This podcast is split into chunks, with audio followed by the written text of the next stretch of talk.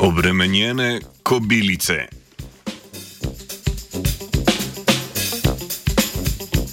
Debeli ljudje nimajo močnejših kosti zgolj pregovorno. Biološki materijali, kot sta kostnina in les, se pod povečano mehansko obremenitvijo pogosto debelijo in strukturno preoblikujejo. Nemška raziskovalna skupina je v članku objavljenem v reviji Proceedings B pokazala, da podobno velja tudi za zunani skelet žuželk, ki so bile dlje časa izpostavljene hipergravitaciji oziroma povečani težnostni sili.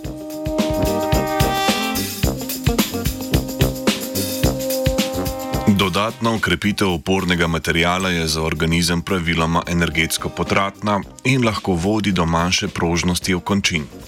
Pri vretenčerjih se zato kosti praviloma dinamično spreminjajo glede na mehansko obremenitev.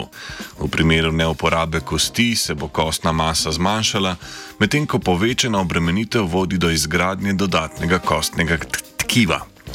Ta pojav, imenovan tudi mehanostat, je bil doslej dobro opisan pri različnih skupinah vretenčarjev, vendar nikoli pri nevretenčarjih, pri katerih glavno oporno strukturo predstavlja zunanji skelet.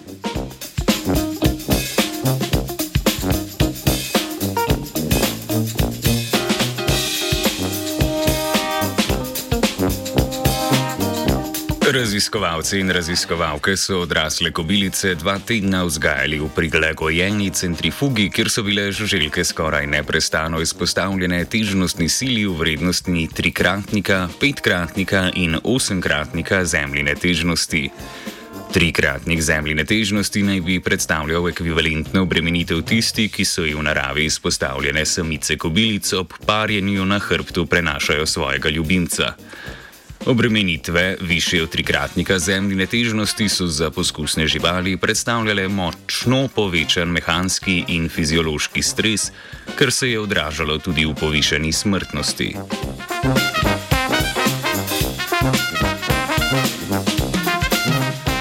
Ob koncu poskusa je raziskovalna skupina izmerila prožnost, natezno trdnost in debelino kutikule eksoskeleta zadnjih nog poskusnih živali.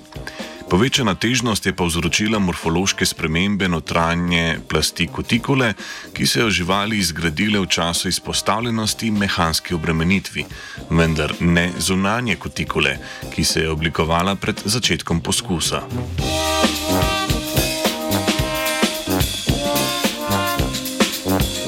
Kutikula exoskeleta je bila v povprečju debelejša pri kobilicah, ki so bile izpostavljene večji težnostni sili. Z večjo obremenitvijo se je povečala tudi natezna trdnost udov ter zmanjšala njihova prožnost. Raziskovalna skupina je tako kot prva potrdila, da se zgradba želčjega eksoskeleta dinamično odziva na povečano mehansko obremenitev.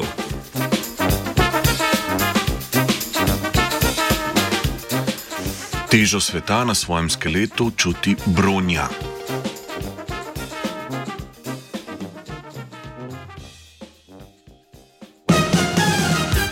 Rádio Estudante.